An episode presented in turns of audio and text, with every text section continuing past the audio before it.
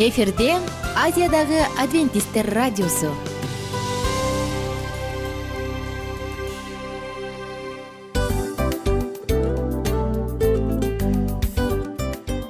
Достор салют. Баардык сүйүктүү угармандарыбызга салам айтабыз. Кутман күнүңүздөр менен. Ден соолук өмүрдүн булагы демекчи саламат саамы программасында баарыңыздарды көргөнүбүзгө абдан кубанычтабыз. Анда алгач амандашып өтөлү арбаңыздар деп. Ден соолугуңуздар кандай элибизде көбүнчө ден соолук кандай дегенде эле жакшы деп жооп беребиз э? ооруп турсак дагы жакшы дейбиз. Анан мен муну айтып ойлойт элем бул абдан сонун сөз депчи анткени бул жакшы деген үмүт да ооба. баары жакшы болот. Баары сонун. Деп үмүттөнүп атып эле өзүбүздү өзүбүз дарылап коебуз. Анысы кандай? Сиздин дагы ден соолугуңуз жакшы беш деген үмүттөбүз чындыгында ден соолук бул өмүрдүн булагы деп бекеринен айтылган эмес деп ойлойм. Кыргыз элинде анткени эгерде ден соолук жок болсо анда адамдын жашоосунда калган баардык керектүү маңыздуу нерселер өзүнүн баалуулугун жоготуп коет. Ошондуктан ден соолук бул эң керектүү нерсе. Ооба туура айтасың кесиптешим. Чынында ден соолугуң жок бир эки үч күн ооруп калсаң эле кандай болуп калат? Жашоодо көз каранды болуп каласың көп нерсеге жетишпей каласың көп нерсени кыла албай каласың жада калса эшикке дүкөнгө да чыга албай каласың. Туптуура анан ден соолук болсо демек биз биздин бактыбыз тотой деп койсок болот. Анда достор саламат саамы рубрикабызды баштайлы. Алдыда өзүңүзгө керектүү болгон сонун кеңештерди уга аласыздар. Мына ошондуктан биз менен бирге болуңуздар. Ал эми биз болсо милан жана айнура.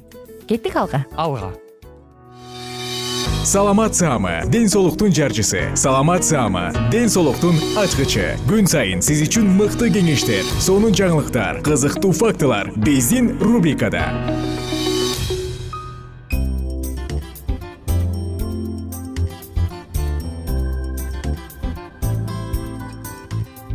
Салам достор. Жалпы угармандарыбызга салам айтабыз дагы. Биз сиздер менен бирге уктуруубузду баштадык.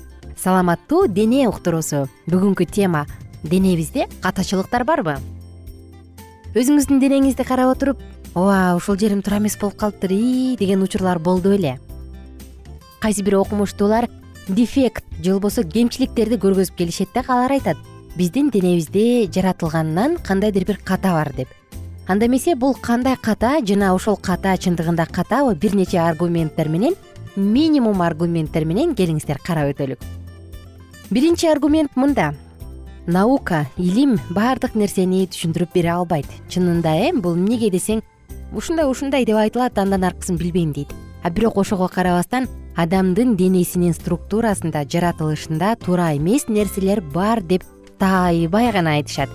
Мурункучуларды карап отурсак канча деген окумуштуулар ачылыштарды жасашкан. Жана алар бул ката деп айтылган нерсенин баардыгын тең кийинки заманбап илим жок ката эмес. Бул укмуштуу керемет жаратылыптыр деп айтышат. Бирок чынында ошондойбу келиңиздер карайлы окумуштуулар эмнени дефект деп аташат? Эң эле белгилүү мисалдардын бири бул көз.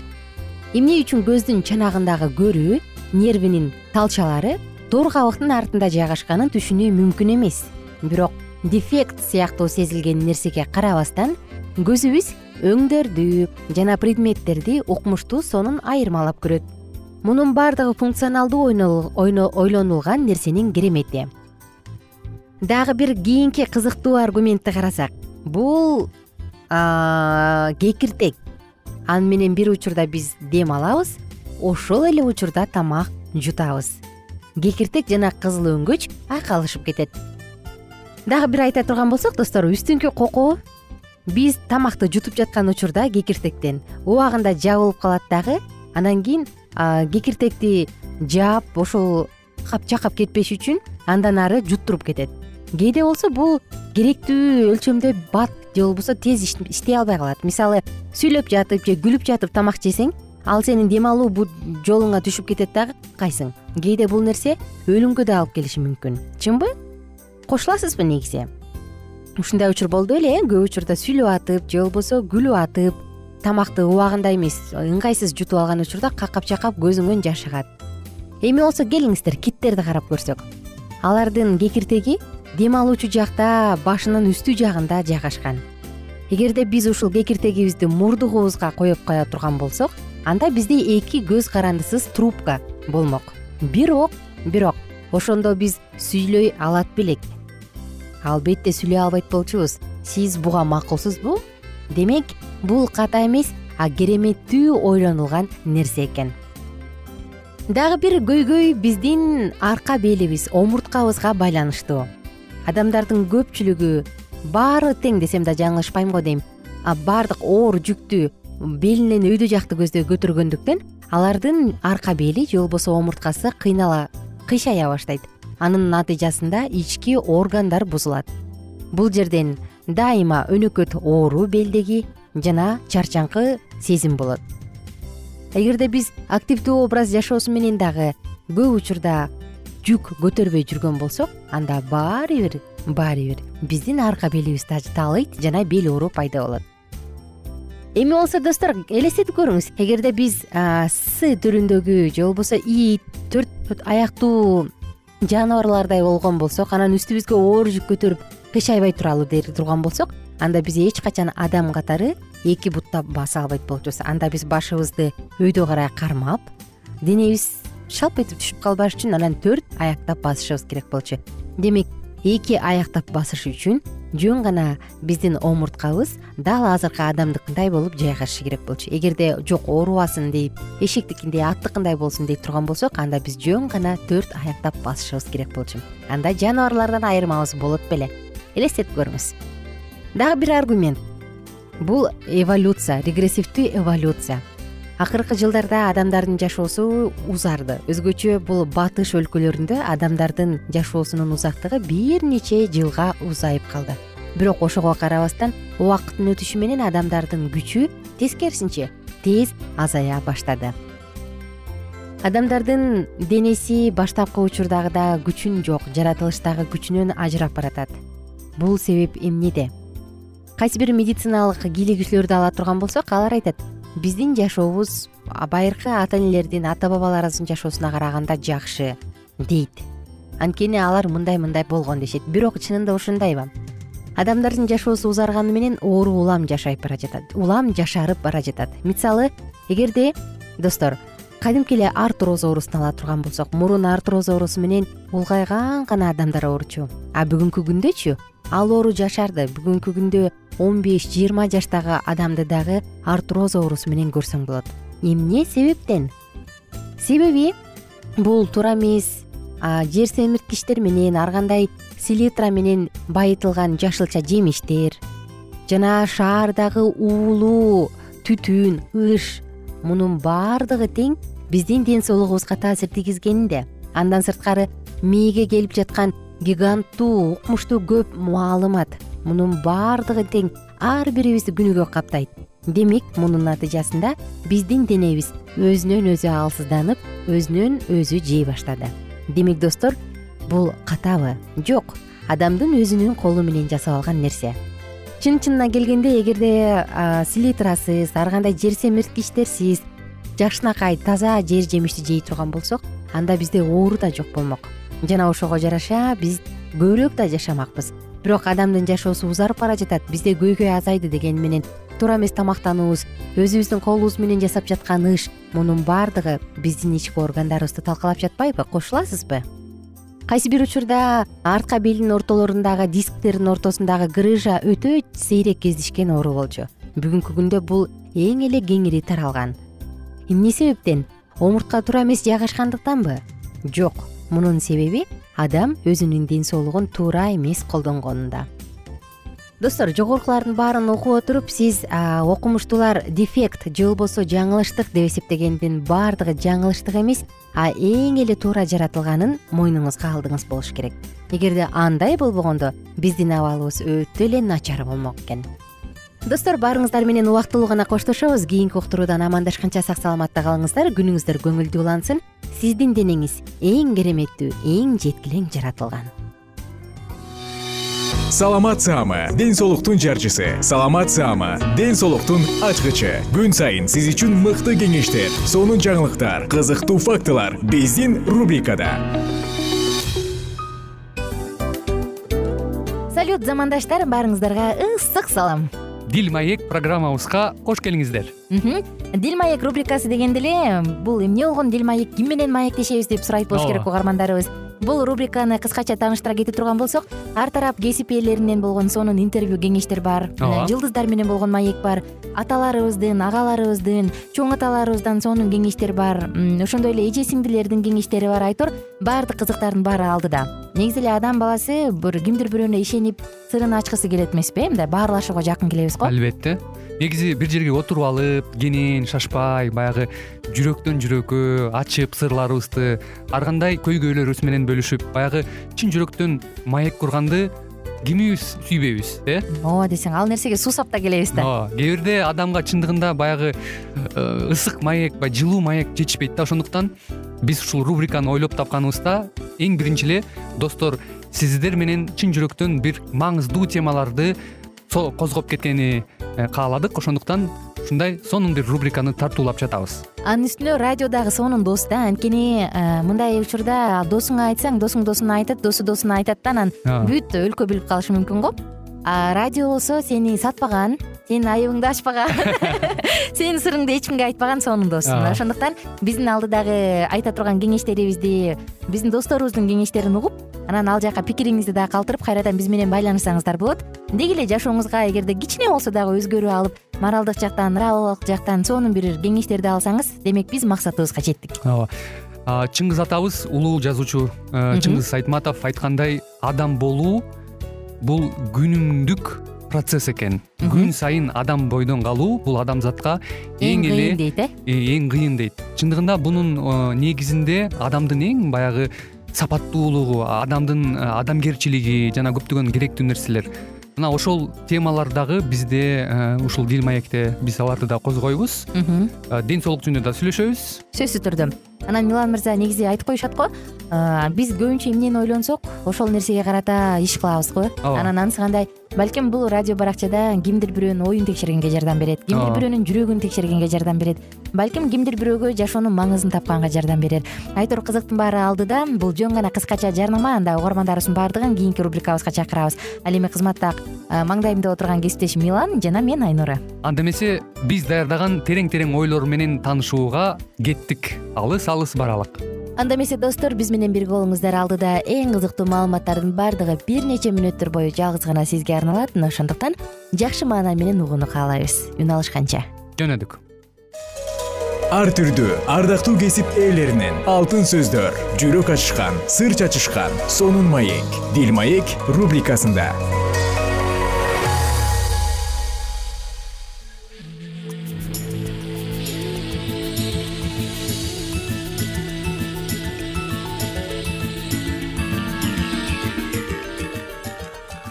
кутман күн кымбаттуу угармандарыбыз кайрадан эле сиздердин назарыңыздарда кыргызстанга саякат аттуу программабызды баштамакчыбыз. Бүгүнкү программабыздын чыгарылышында кайсыл тарапка саякат жасайбыз деп турган болсоңуздар анда биз кыргыз зоопарктары туурасында сөз кылмакчыбыз. Анда эмесе биздин толкундан алыстабай дал ушул мүнөттөрдө биз менен биргеликте кала бериңиздер. Биздин кыргызстандагы жалгыз зоопарк кара кол шаарында жайгашкан жалпы аймагы сегиз гектар болгону менен төрт гектардын гана курулуп иштери бүткөн. Ортодо чоң каналдуу суу агып эки жагында жашыл аллеяда жаныбарлар камалган атайы торчолор жайгашкан. Каналдын башындагы көлмөдө эки ак куу сүзүп анын айланасында эл толо бул жерде отузтай түрдөгү жүзгө жакын жаныбар бар.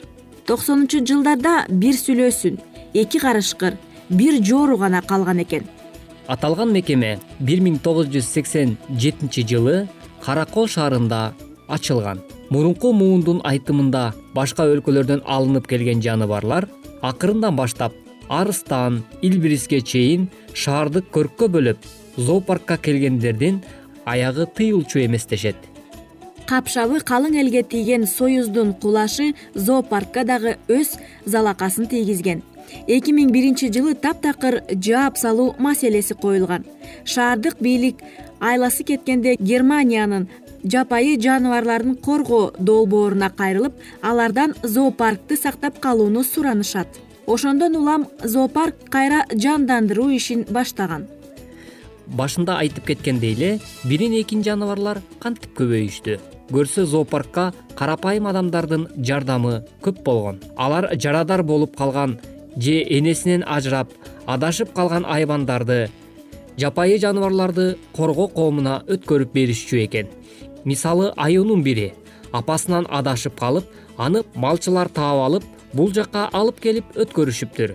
Бугу болсо нарын облусунун корукчуларынын колуна түшүп кийинки тагдыры зоопаркка байланган экен. Ал эми азыркы тапта зоопарк болсо бир топко байыган учуру асан каныбек ак бара ак жолтой жаныбарлардын дээрлик баары адамдын атынан коюлганы мени таң калтырды мисалы нарындан келген бугунун ысымы каныбек. Бирок каныбектин түгөйү жок болгондуктан жакынкы аралыкта корукка алып барып тукум алуу маселеси күн тартибинде экен. Ал эми эже сиңди ламалар тукум берүүгө жашы жеткени менен эркек ламасы али жаш экен негизи эле тукум алуу зоопарктын күч маселеси. Бул үчүн башка зоопарктар менен кызматташуу жүргүзүшү керек. Анда да породасы туура келбесе тукум болбой калышы мүмкүн дейт. Зоопаркта бүтүндөй үй бүлө болуп жашаган бир гана карышкырлар экен. Сүйкүмдүү төрт бөлтүрүгүн кызганган энеси улам бирин желкеден алып таштап жасалган үңкүрлөргө киргизүү менен убара. Ак жолтой деп аталган аюунун жоругу өзүнчө кызык.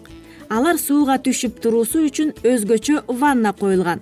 Ваннага түшкөн аюулар бири бирин жуунтуп элге өзүнчө шоу көрсөтүп жатышат.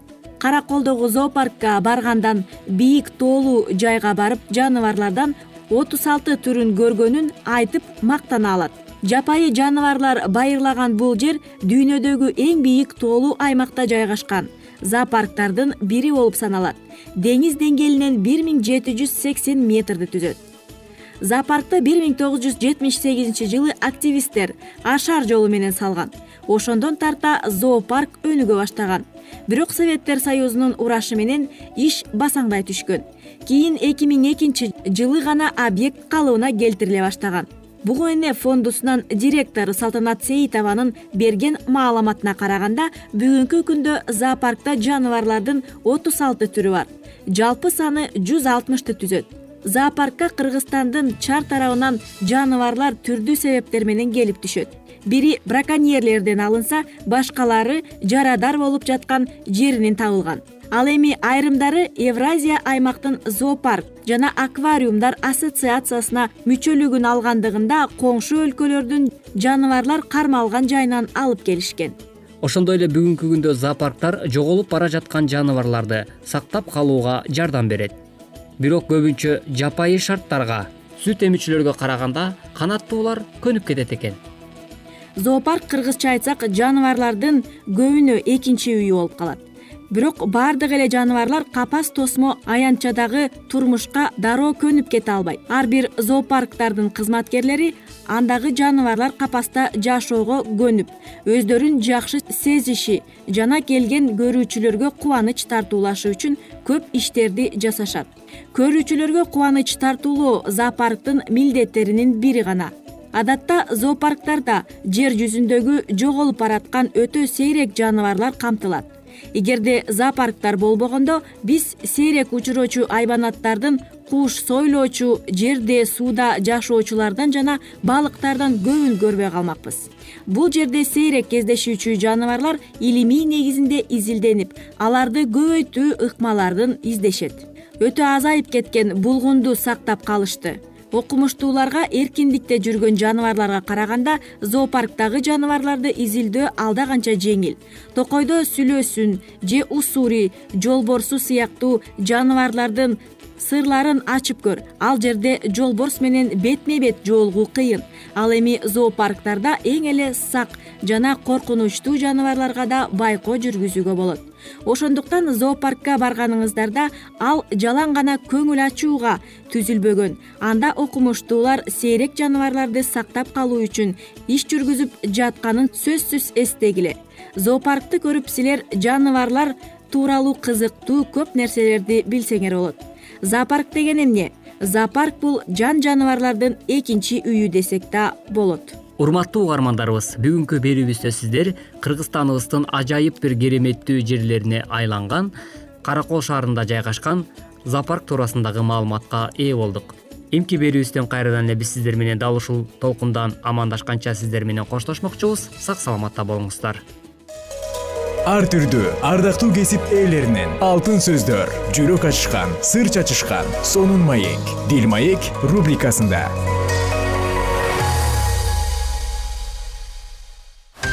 Жан дүйнөңдү байыткан жүрөгүңдү азыктанткан жашооңо маңыз тартуулаган жан азык рубрикасы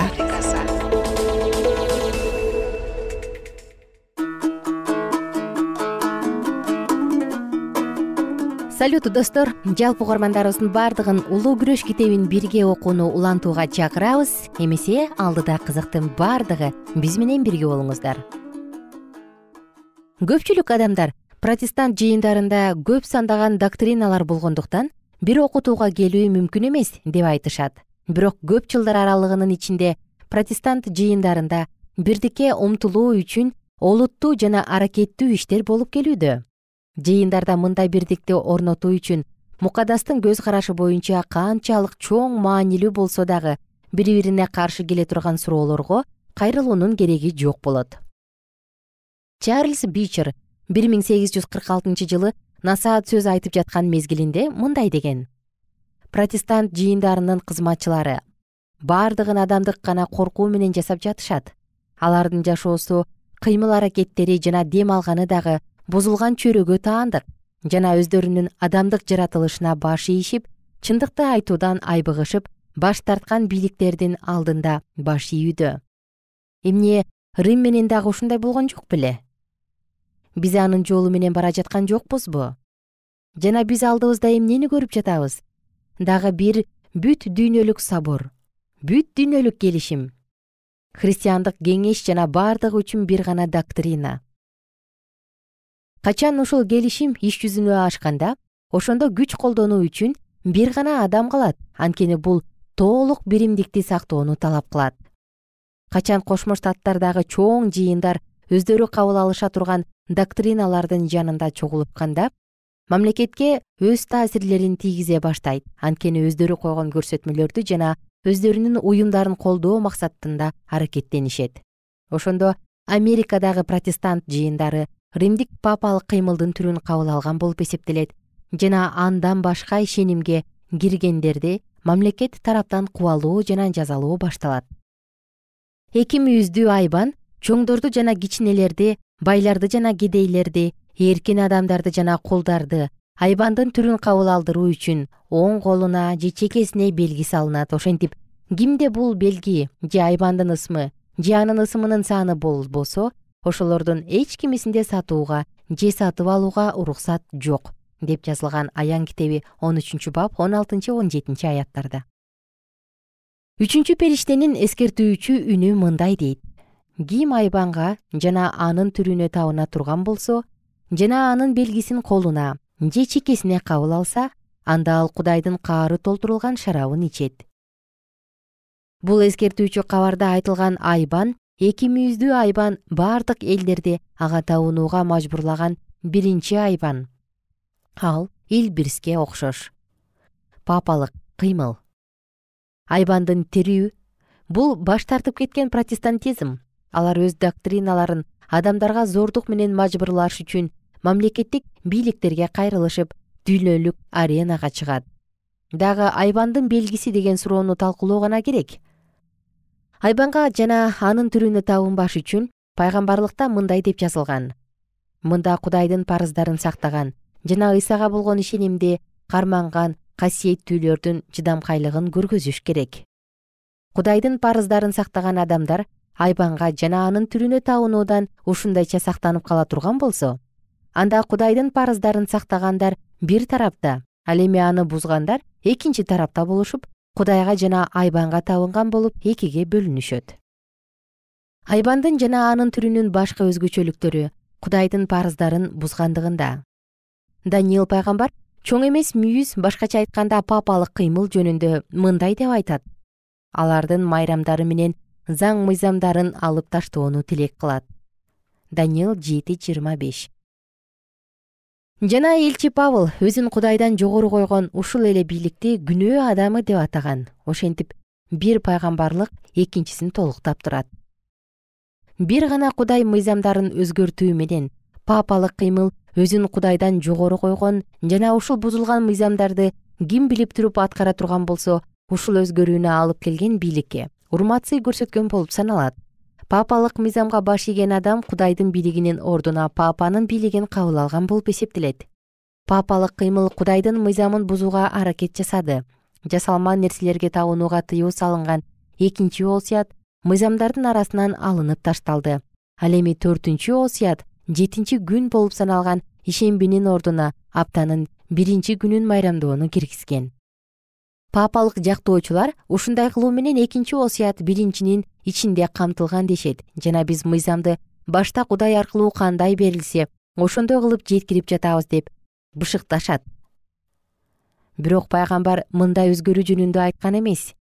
Бул жердеги болуп жаткан сөз атайын ойлонуп туруп жасалган иш жөнүндө.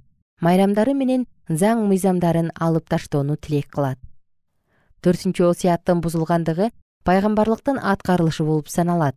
Анткени ушундай кылуу менен римдик католик чиркөөсү өзүн кудайдан жогору көтөрүп кудайга гана таандык болгон бийликке умтулган.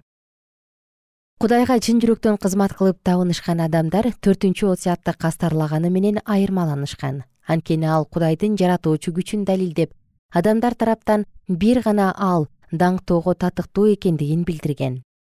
Айбанга табынган адамдар жаратуучунун эстелик үчүн койгон күнүн талкалоо аракет кылгандыктары менен айырмаланышып жана ошол эле мезгилде римдиктер тараптан коюлган мыйзамды жогору көтөрүшөт. Папа өзүнүн талаптарын алгачкы жолу көтөргөндө жардам суроо менен мамлекеттик бийликке кайрылып аптанын биринчи күнүн теңирдин күнү катары адамдардын ыйык сактоосун мажбурлоого өтүнгөн. Бирок мукадас теңирдин күнү жетинчи күн экендигин аптанын биринчи күнү эмес экендигин ачык айтат машаяк мындай деп айткан. Ошондуктан адам уулу ишембинин дагы мырзасы экен. Марк экинчи бап жыйырма сегизинчи аят.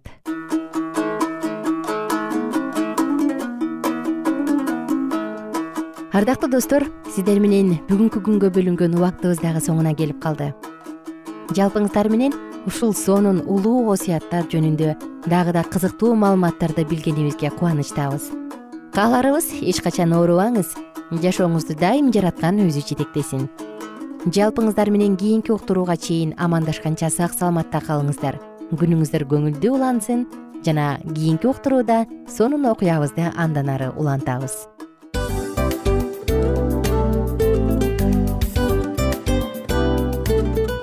достор биздин радио баракчаларыбыз соңуна келди. Демек бул программабызды дагы жыйынтыктачу учур келдик. Учурга келдик. Анан кесиптешимден сурагым келип турат. Негизи эле иштин башталып атканы кубандырабы сени же жыйынтыгы кубандырабы? Албетте жыйынтыгы. Себеп дегенде сен кылган ишиңдин жыйынтыгын көрүп э, баягы мөмөсүн көрүп дегендей жыргайсың жүрөгүң жемишинен тартып э? Кандай даамдуу деп. Баягы буудай сепкенде эмес буудай эгинди жыйнагандан кийин ысык нанды жегенде кадимкидей ырахаттанасың го? Ой айтпа туура айта кеттиңиз. Сонун салыштыруу болду анан мен дагы абдан кубанып турам анткени биз угармандарыбыз үчүн аябай эмгектенип келген уктуруубуздун соңуна келип калдык. Анан эми уктуруубуздун соңунда угармандар кандай пайда алып калды экен деп күтүп турам да. Балким э, менин жашоомо өзгөрүү киргизе турган сонун сөздөр болду. Мен ушул нерсени изилдеп анан кабыл албасам ушул нерсени кылбасам деген чечим чыгарсаңыз анда биз абдан кубанычтабыз. Сөзсүз түрдө андыктан кийинки биздин кызыктуу уктурууларыбыздан көрүшкөнчө сак саламатта калыңыздар. Чыдамсыздык менен сиздерди мен милан жана кесиптешим айнура күтөбүз. Баардык угармандарыбызга ийгиликтүү күн каалайбыз. Качан гана болбосун уртуңуздан жылмаюу кетпесин үйүңүздө көмүр жүрөгүңүздө көңүл болсун дейли